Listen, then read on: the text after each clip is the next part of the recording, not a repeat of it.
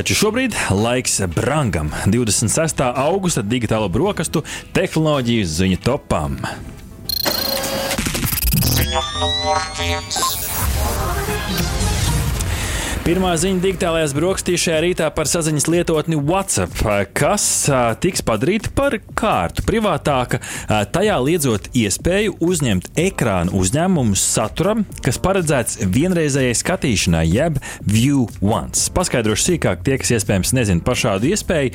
Tā ir vienreizējas skatīšanas nozīme. Tas nozīmē to, ka lietotājiem WhatsApp lietotnēm atverot bildi konkrēti, tā parādās tikai īsu brīdi un tikai vienreiz reizi. Nākamreiz, kad uzspiež uz šīs bildes uh, ikoniņas, uh, tajā brīdī parādās, nu, ka šī bilde jau ir atvērta, jeb opened, un tad uh, šādu šo bildi vairs otrais ieraudzīt nevar. Nu, pielietojumi tam var būt, protams, dažādi, no paroļu sūtīšanas līdz privātākam saturam, taču daudzi vēl joprojām ne, neapjauš, ka telefonā var uztaisīt screenshot, jeb ekrānu uzņēmumu, vai arī ierakstīt telefonā, telefona ekrānā notiekošo.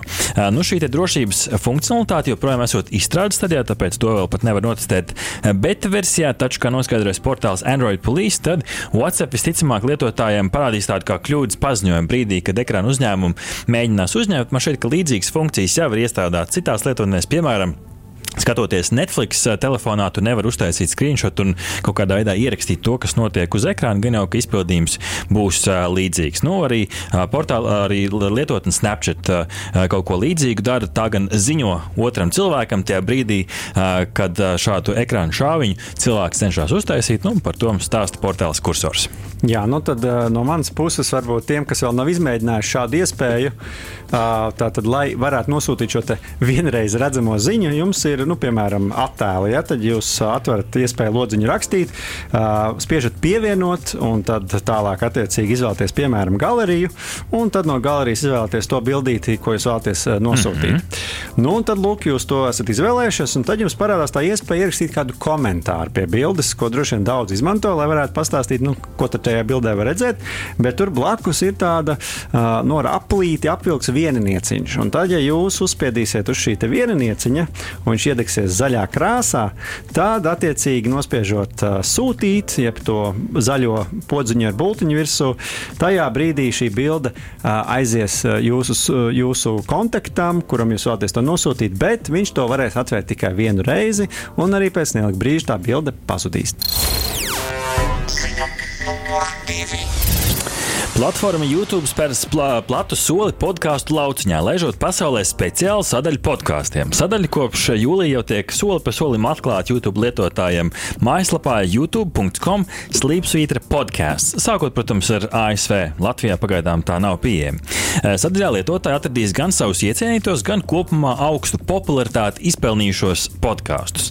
Podkāstu audio celiņus jau tā bieži vien satura veidotāji papildināja ar video versijām, vienkārši filmējot šo sarunas procesu. Un, maijā veikts arī Cumulus pētījums, kas stāsta, ka YouTube jau šobrīd sastāv ievērojumu konkurenci Spotify un Apple podkāstus, kā lielākajiem iespējams pārējiem tirgus spēlētājiem, kuri arī izrāda nopietnus centienus podkāstu popularizēšanā. Nu, tīri finansiāls tāds ieskats, ka podkāsti ir tāda neliela daļa no tā visa lielā pīrāga, tad YouTube Google ienesa 21. gadā 28,8 miljardus ASV dolāru, kamēr visa, visa podkāstu industrija, vismaz pēc Advertising Bureau datiem, nopelnīja tikai ap miljārdu. Tā ziņo portāls The Verge.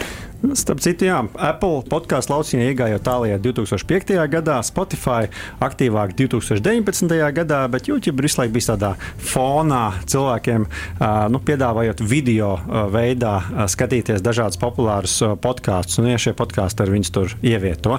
Starp citu, tieši šobrīd Latvijas rādio īstenībā aptauja, kurā aicina piedalīties podkāstu klausītājus visā Latvijā, un iegūto, iegūtos datus plānots izmantot, lai nākotnē vēl plašāk attīstītu Latvijas radio podkāstu piedāvājumu. Nu, anketa ir pieejama pieejama e-punkts uz slīpsvītra podkāstu aptauja. Jā, aizpildām mums arī interesē. Mēs arī mēģinām daļai startēt podkāstu lauciņā. Tā kā aizpildām aptauju un skatīsimies, tad, kādi būs rezultāti. Ziņa numur 3.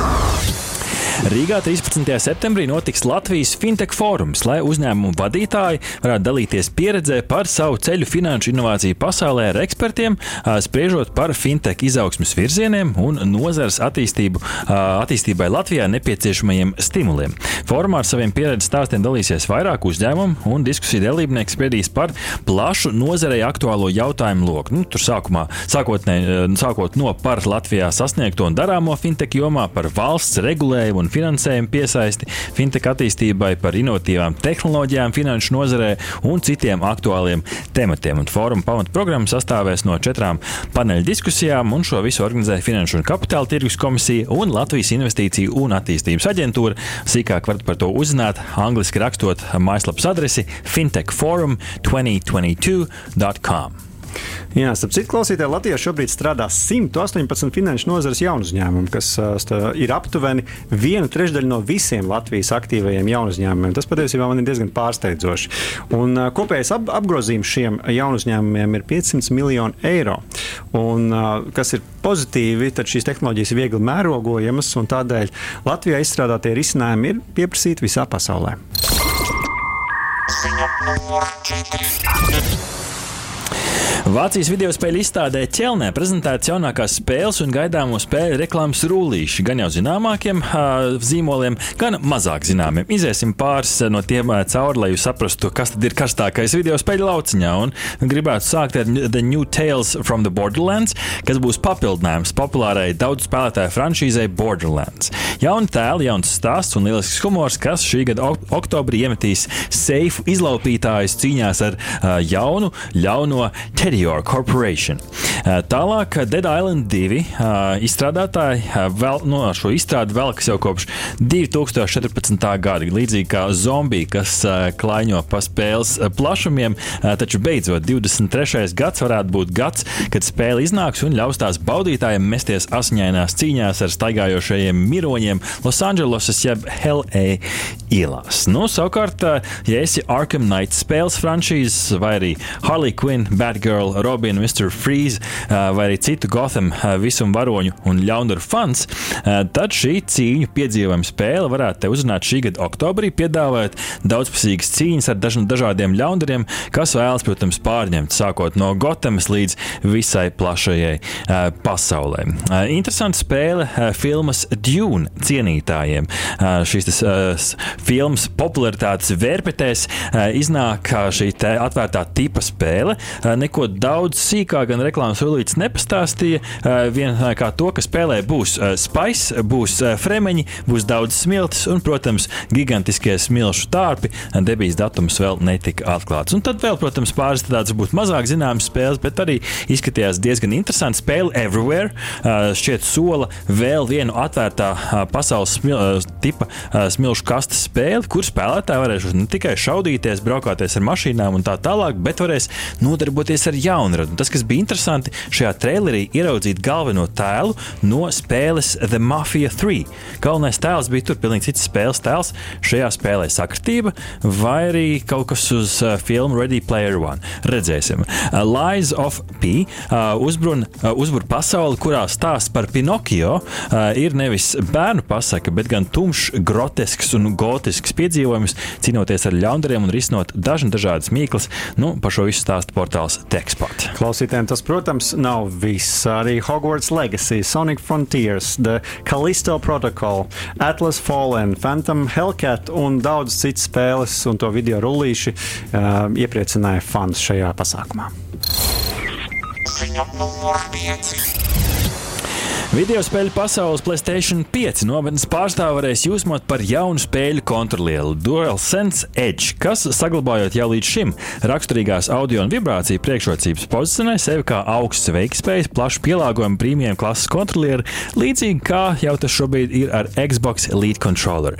Spēļu pults ar papildus pogām tā aizmugurē ļaus spēlētājiem dažādas funkcijas uzstādīt viens pogas spiediens attālumā, sviru jutīgumu varēs pielāgot, ja vēlēs mainīt to, cik ātri ekrāns virzās skatās pa kreisi un pa labi. Piemēram, šaušanas laikā spēļu cienītājiem būs iespējams vieglāk pielāgot to, cik ļoti kursors lēkā pa ekrānu.